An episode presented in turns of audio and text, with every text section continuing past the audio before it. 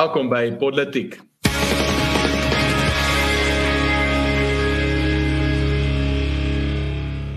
In hierdie week se episode is ek uh, in Nederland saam met Rainer en Erns uh, en in vandag se episode Malema moet appel kou, ander aan saak verbrou en groot verkiesings gehou.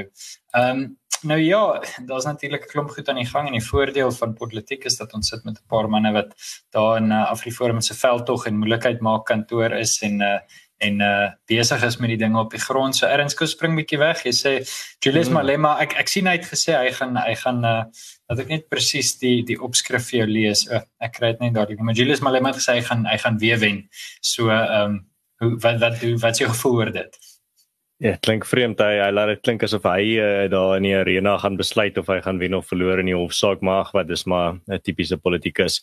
Ehm um, kom ek gee maar net 'n bietjie agtergrond. Ehm um, so die gelykheidshof het hierdie week ehm um, verlof tot appel toegestaan aan Afriforum se Kildeboer haatspraak saak ehm um, teen die EFF Julius Malema en in Buseni en Lozi en hierdie aansoek kom nadat die gelykheidshof in Augustus verklaar het dat die Dreensang Kildeboer nie haatspraak is nie.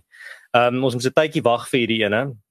Uh ek het nog ehm um, ingeskakel vir die oorspronklike uh uh keer toe ons in die hof was vir uh, verlof tot appel, toe sê hulle die uitspraak is voorbou en toe hoor ons nou hierdie week dat uh, ons het dit gekry. Dis baie belangrik want ehm um, hierdie is uh hierdie is die enigste regte ding wat staan tussen uh, Kill the Boer wat in publiek gesing word en uh, om dit uh, haatspraak te verklaar is dat uh, Afriforum geslaag het in hierdie appel uh, verlof tot appel uh, aansoek. So dis 'n groot verligting dat ons het dit gekry en ek is baie bly dat ons kan nou hierdie geveg voortsit. Maar net 'n paar punte vinnig net voor uh, julle kan inspring met julle analise.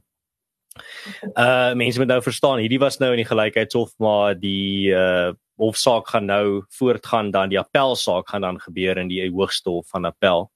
Um en daar's nou nog nie 'n datum vir dit nie, maar ons sal hier op politiek as jy 'n politiek luisteraar sê jy weet een van die eerstes wees wat weet wanneer daai um wanneer daai hofsaak uh, 'n uh, datum gekry het. Um maar ja, dit is vir my uh, dit is uh, vir my lekker dat ek weer bietjie gaan um kan gaan uh, geveg vir geregtigheid op die radio en televisie. Ehm um, en daar in die, in die hof kan gaan sit en uh, vir Julius Malema in die oë kyk en ehm um, maar ek dink wat mense ook moet verstaan uh, met 'n appelsaak, ek dink 'n belangrike stuk ehm um, detail is die feit dat daar kan nou geen nuwe bewyse of nuwe getuies geroep word nie. Dit is alles wat in die vorige uh hofsaak gebruik is, gaan nou net weer na gekyk word in hierdie saak. So tot daar is daar baie voorstelle soos julle moet hierdie hoek sê en julle moet hierdie getuie roep en goed, dit is dis dit is uh lekker om te sien mense is passief vir die saak, maar mens moet tog in ag neem dat uh met 'n appel saak kan mens net bly by wat die hof klaar uh ontdek het met die vorige um met die vorige saak. Ja, dankie Erns. Ek dink wat my betref, daar's 'n paar belangrike punte. Ons het ons het hierdie spesifieke saak nou al hoeveel keer bespreek, jy weet, ek dink um, dit kom al soveel jare. Uh net bietjie konteks, die lied Kill the Boer as ek reg is, en ek kan verkeerd wees, maar as ek reg is, is vir die eerste keer gesing um, in die openbaar by Chris Hani se begrafnis in 1993. En dis gesing deur Pieter Mokaba. Mokaba is jonk oorlede, maar hy was um self ook 'n voorsitter van die ANC jeugliga. Nou Julius Malema is geskort uh, uit die ANC uit onder leiding van 'n etiekkomitee wat Derek Hanekom die hoof van was, ook vir die sing van Kill the Boer. Malema is hoof, hoofsaaklik uitgeskop, wel hy's finaal uitgeskop in 2012 as ek reg onthou, maar hy is al reeds in 2010 oor die kolle gehaal oor hierdie kwessie. So dit is 'n ding wat in Suid-Afrika lang lang geskiedenis het. Oor die lied self wil ek 'n interessante opmerking maak. Ons moet onthou dat 'n metafoor altyd 'n um, moeiliker realiteit of 'n moeiliker waarheid probeer verwoord in terme van meer verstaanbare um begrippe. So byvoorbeeld as jy gaan kyk na um jy weet Lord of the Rings, dan het jy moeilike begrippe soos uh wraaksugtigheid en selfsugtigheid en eersug en so aan en dit word alles vereenvoudig in hierdie ringetjie wat mense wil hê. Ehm um, miskien as jy as jy dink aan die bekende Afrikaanse gedig Skoppensboer, die dood word die Skoppensboer genoem. Nou Skoppensboer is net die Afrikaanse woord vir die ehm um, die jack of spades as ek dit in Engels kan sê, ehm um, of die die boer van van Skoppens. So uh nou die die die die punt is dat dit is 'n maklike verstaanbare ding, 'n kaart, maar dit dis 'n metafoor vir iets moeiliker en daai moeiliker ding is is die dood. Die probleem met hierdie lied Kill the Boer is dat die interpretasie wat baie mense nou gee, hulle sê maar dis 'n metafoor vir iets. Dis 'n metafoor vir iets meer kompleks, vir iets moeiliker, vir iets swaarder. Dis 'n een eenvoudige begrip wat ons gebruik, um, maar ons bedoel iets baie meer en baie swaarder en gewigtiger. En dis wat 'n metafoor is. Nou hoe op aarde kan dit 'n metafoor wees as dit met die mees swaar menslike realiteit werk? Dood is nie 'n metafoor vir enigiets anders nie. Dood kan nie 'n metafoor wees vir iets anders nie. Dit is die swaarste moontlike ding. Die Bybel en die Christelike tradisie sê ons die ergste sonde wat jy kan pleeg is om iemand se lewe van laat weg te neem. Die Suid-Afrikaanse en enige hofstelsel in die wêreld se swaarste straf is wel in by verre die meeste gevalle. Ek het ek weet nie van 'n uitsondering nie, maar kom ek beskerm myself en sê in die oorgrootste meerderheid van lande is die swaarste wat jy bestraf kan word vermoord daar is nie iets meer kompleks as die dood in terme van die mensaard se bestaan nie. So hoe op aarde kan jy argumenteer argumenteer hierdie is 'n metafoor. Ons uh, dis dis maar net 'n dis maar net iets wat wat eintlik 'n ander betekenis het en dis absolute nonsens. Ehm um, die die probleem hier, hier is dat die Suid-Afrikaanse regering natuurlik nie nie regtig eintlik op hierdie stadium 'n funksionele demokrasie is nie en ons weet dit van die regtelike dienskommissie is, is so swaar belê deur ANC ouens hulle besluit wie se kabinet hulle besluit wie se regter so een party en hulle interpretasie weeg swaar op die res van die land en dit weet ons. Maar die gevolg is dat goed soos hierdie nou gebeur. Hopelik in daai appel of is daar 'n bietjie sin maar die regters wat hierdie saak tot dusver gehoor het en wat dit so ver laat kom het was ook ouens met geleerdheid was ook ouens met baie jare se hofervaring ehm um, So mes mes hoop vir die beste, maar die absurde hierdan is dit dat ons regtig oortuig moet word dat hierdie lied iets anders beteken as wat dit sê. Ehm um, na afloop van die die appel was daar wat agt plaasmoorde in die maand van September. Uh dit is net absoluut verskriklik om te dink dat mense net die blinde oog draai. Internasionale gemeenskap gee nie regtig om nie en in Suid-Afrika, jy weet, is is die een meer blind as die ander. Ja, voor ek ons in 'n hofsaak gewikkel kry, Rainer, moet jy miskien iets sê. Ja, uh dankie Paul. Goeie opsomming daar en ek stem met jou saam. Ek wil net 'n bietjie weer net by die by die tegniese punte van die saak net um, 'n um, paar opmerkings lewer. En die, die eerste ding daarvan is dat die hof het nou in sy uitspraak aanvanklik en dis hoekom ons ook sê dit is 'n dit is 'n inkorrekte toepassing van die reg. Hy het gesê daar's nie 'n kausale verband tussen plaasmoord wat gepleeg word en uh die sing van die Dreun Sankiel de Boer nie. Nou ons moet besef in ons reg die die toets in eenvoudige terme vir haatspraak is of dit uh geweld of um skade teenoor 'n groep op grond van hulle identiteit aanhits en in daai in hierdie geval is kill the boer die voorbeeld par excellence daarvan.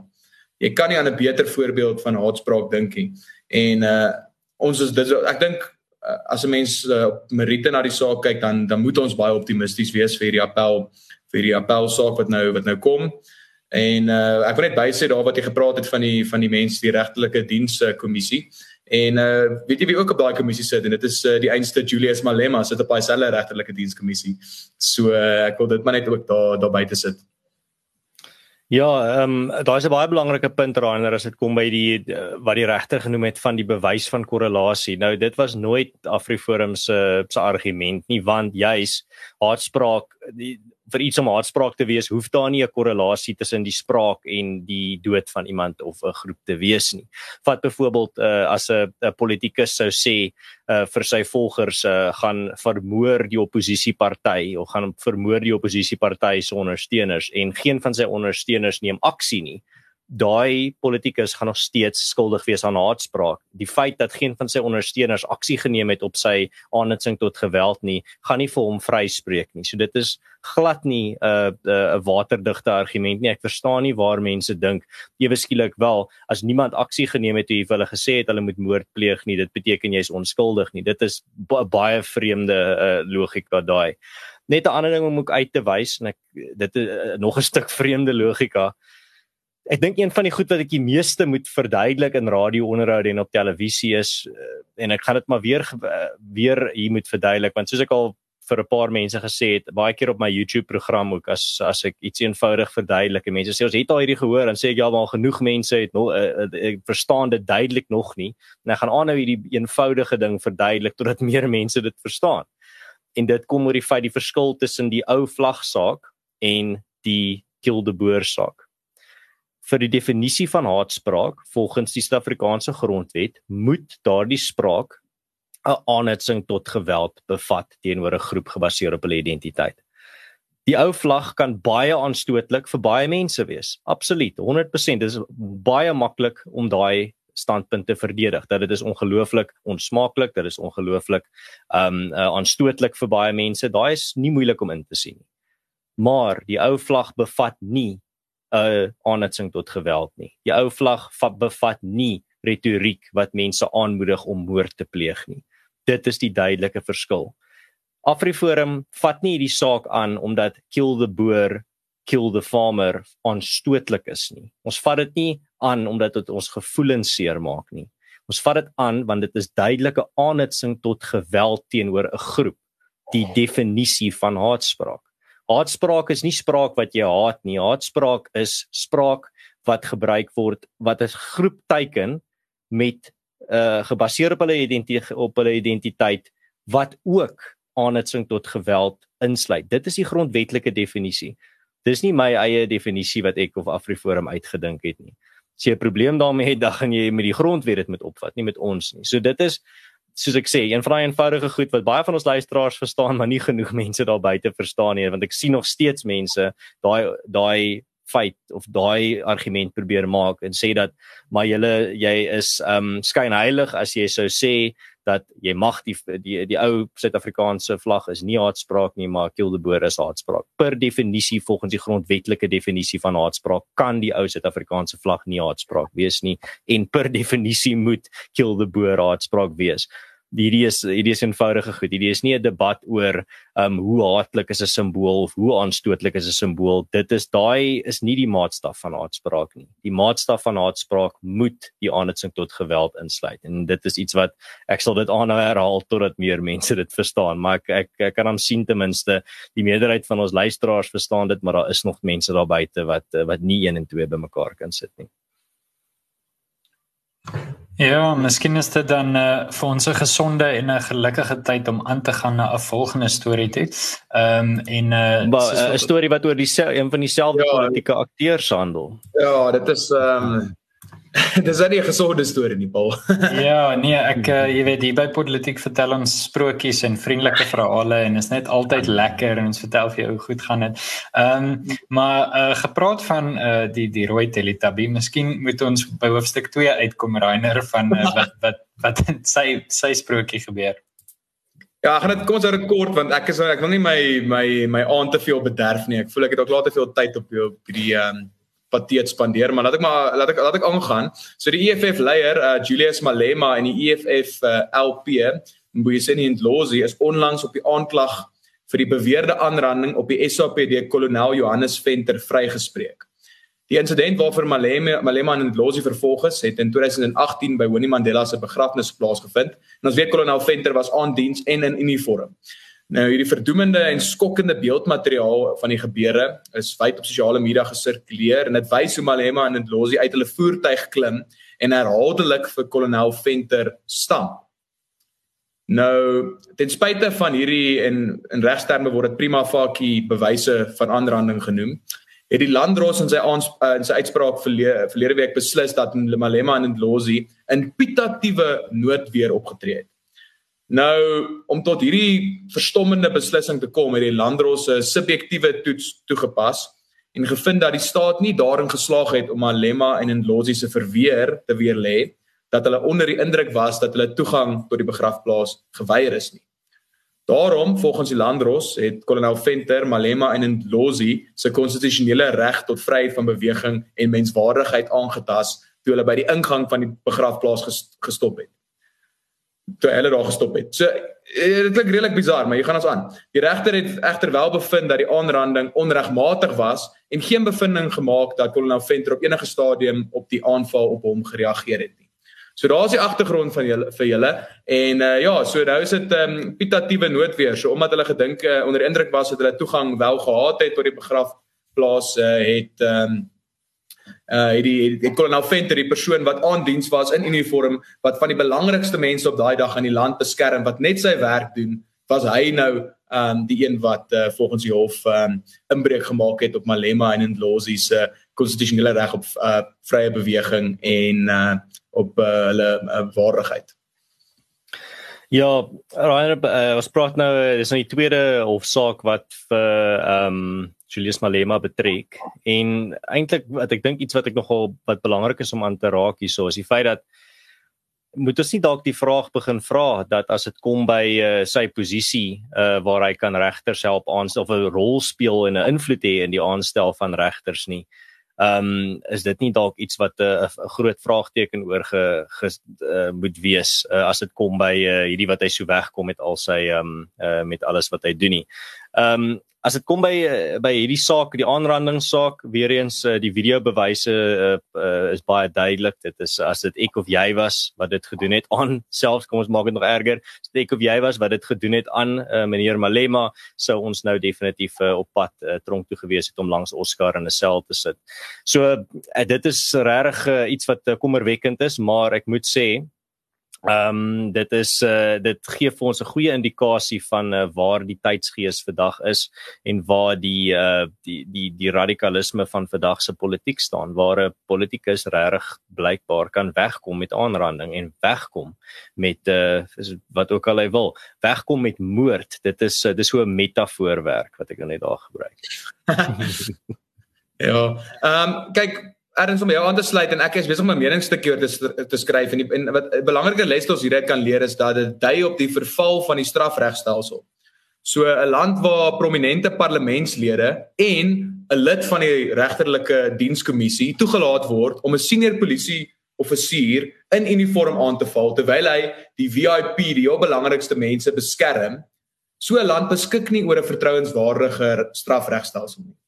So As ons hier een ding uit kan leer is dat 'n mens glad nie meer op die regering en op die regstelsel kan vertrou um, om ons te red nie en daarom moet um, die burgerlike samelewing en ander konstruktiewe rolspelers um, ons moet almal koördineer om onsself stel uh, tot 'n groot mate staatsbestand te maak en um, ons kan dit doen deur deur ons by wat Afriforum met ons aanmoedig is dat dat ons dinge self moet doen en ons ons veiligheidsstrukture uitbou uh self uh, eienaarskap neem oor ons eie lewens en nie meer op die staat vertrou nie.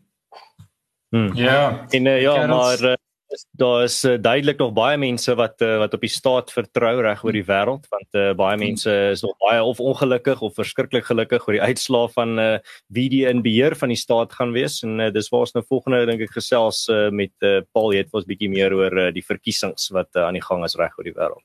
Ja, Karel, ek het uh, ek het daar was twee twee groot verkiesings hierdie afgelope week. Uh dalk was daar meer, maar ek wil so 'n bietjie kyk na Brasilië en Italië. Ons het verlede week oorweeg om oor Italië te praat en toe dink ons ehm um, dit gaan dalk 'n bietjie meer tyd vat. So as julle my gaan verskoon, ek gaan net 'n bietjie van 'n van 'n lywige inleiding gee op die twee verkiesings. Nou ja, ehm um, In Italië is Giorgia Meloni van die Broeders van Italië party verkies. Ehm um, saam met die leiers Salvini en Berlusconi uh, is is hulle 'n tipe van 'n uh, regse koalisie, so noem hulle self. Nou die uitkeersyfer was so net bietjie meer as 63%, baie laag veral in die suide van Italië. En uh, Meloni het nogal steun in die noorde van Italië gekry. Nou ja, ons steun is grootliks gebaseer op haar familiebeskouing. So sy is openlik ten gunste van goed soos geloof en sy opponeer die breër verbruikerskultuur. So sy sê jy kan nie verwys na ouer 1 en ouer 2 nie. Ek is 'n ma of ek is 'n pa, weet. So sy het meer 'n tradisionele en wat ek sou dink, mens kan net sê normaal normale uitkyk op die wêreld. Ehm um, in terme van die huidige internasionale kwessies ondersteun sy nie noodwendig Rusland se inval van Oekraïne nie, maar van haar koalisievennote veral Salvini van die Liga party ehm um, doen tog. So die die menings wat sy huldig waar waar in die hoofstroom media regtig sukkel om te kou op hierdie stadium is veral 'n sterk beheer op die suidelike grens. Italië het natuurlik die probleem van bote wat van Afrika af inkom deur die Middellandse See, so sy wil letterlik in die ehm uh, in die water wil sy 'n blokkade daar stel wat sal keer dat hierdie bote dan aankom as gevolg van die groot hoeveelheid onwettige immigrasie wat tans is. Uh, sy het in 'n toespraak gesê, 'n toespraak wat redelik bekend is, miskien sou van julle dit op sosiale media gesien het, het sy gesê, jy weet, die mense wat uit Oekraïne uitkom is vrouens en kinders en kwesbares, die mense wat uit Afrika uitkom is jong mans. Ehm um, so die sê sy jy weet sy sy voel die twee kan nie noodwendig mekaar versoen word nie. So dis aan die een kant. Dan wil ek so vinnige oog oogie gooi na die ander kant van die Atlantiese Oseaan toe en ek gaan die twee verkiesings tog bymekaar bring aan die einde. Maar goed, dan Jair Bolsonaro ehm um, um, staan vir 'n tweede keer 'n tweede termyn in Brasilië en uh, sy opponent is ook 'n persoon wat al president was Lula da Silva. Nou da Silva um, het al tronkstraf vir korrupsie uitgedien, maar intussen is daai saak omgekeer want hulle sê die persoon wat hom ondersoek het het 'n vooroordeel gehad. Um, Bolsonaro is baie gekritiseer vir sy hantering van COVID-19 en hy is uh, ook vir sy hantering van die Amazone um, het, het hy baie kritiek gekry. Die die punt is tog dat Lula baie meer linkse beskouing het. Hy is uh, tipies hy wil hoër belastings op ryk mense instel en hy sê hy sal die Amazone beter beskerm. Uh, ek dis natuurlik iets om hierdie stadium te sê. Ehm um, waar Bolsonaro baie ondersteuning het onder evangel evangel evangelistiese Christene en ehm um, hy word gesien as 'n meer konservatiewe persoon, goeie bande met Trump gehad en dis meer. Nou oké. Okay. Wat die punt van al hierdie goed wat ek sê? Ten eerste, uh was jy weet daar was hierdie massiewe verwarring want hulle sê hoe op aarde kon Bolsonaro so goed gedoen het. Hy het hier by die 43% gekry. Uh en, niemand gedink hy gaan meer as 35% kry nie. Lula moes ver gewen het. So nou my eerste punt is leer mense nooit in terme van meningspeilings nie. Goeie genigtig. Natuurlik in meningspeilings gaan jy sê wat die hoofstroom media van jou verwag want die media oortuig jou heeltyd om 'n soort van skaam te kry vir die feit dat jy meer konservatiewe beskouing het. So hulle jok heeltyd vir hulle self vir die hoofstroom media party en dink ja, ons kandidaat gaan ver wen of wat ook al.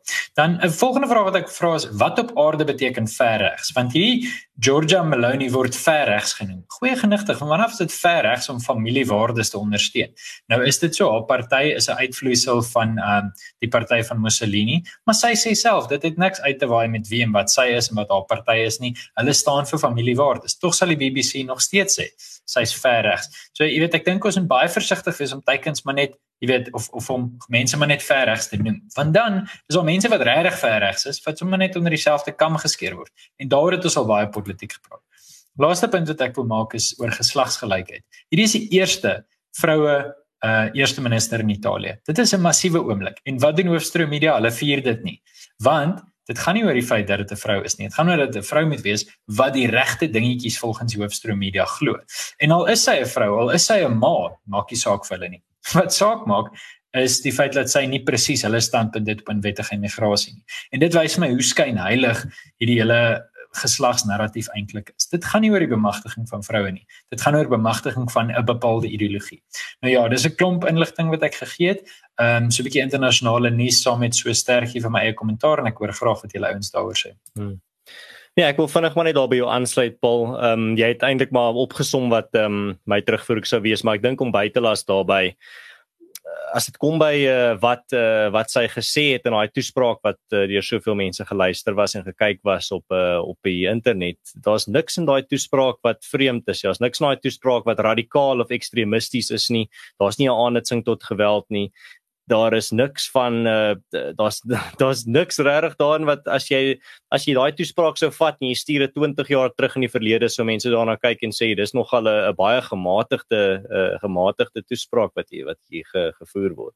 Um de, en dit wys maar net hoe tye verander het. Ons is nou in 'n tydsgees waar dit ek ek glo vas dis nie die meerderheid dis absoluut nie die meerderheid van mense nie maar daar's 'n klein baie 'n uh, 'n uh, baie uh, vocal klein um uh, minderheid wat absoluut hulle koppe verloor as 'n politikus nie presies die pad of presies sê wat hulle dink of presies sê hoe hulle die wêreld uh, sien nie. Wat uh, wat as daar enigsins enige politikus 'n uh, 'n uh, 'n verkiesing wen wat nie 100% hulle politikus is nie, dan of wat 100% hulle agenda steun nie, dan is dit die oorneem, dan is fasisme terug. Dan is dit nou die tweede koms van Hitler of Mussolini of wie ook al wat ook al se uh, uh figuur uit die verlede jy wil gebruik as 'n voorbeeld.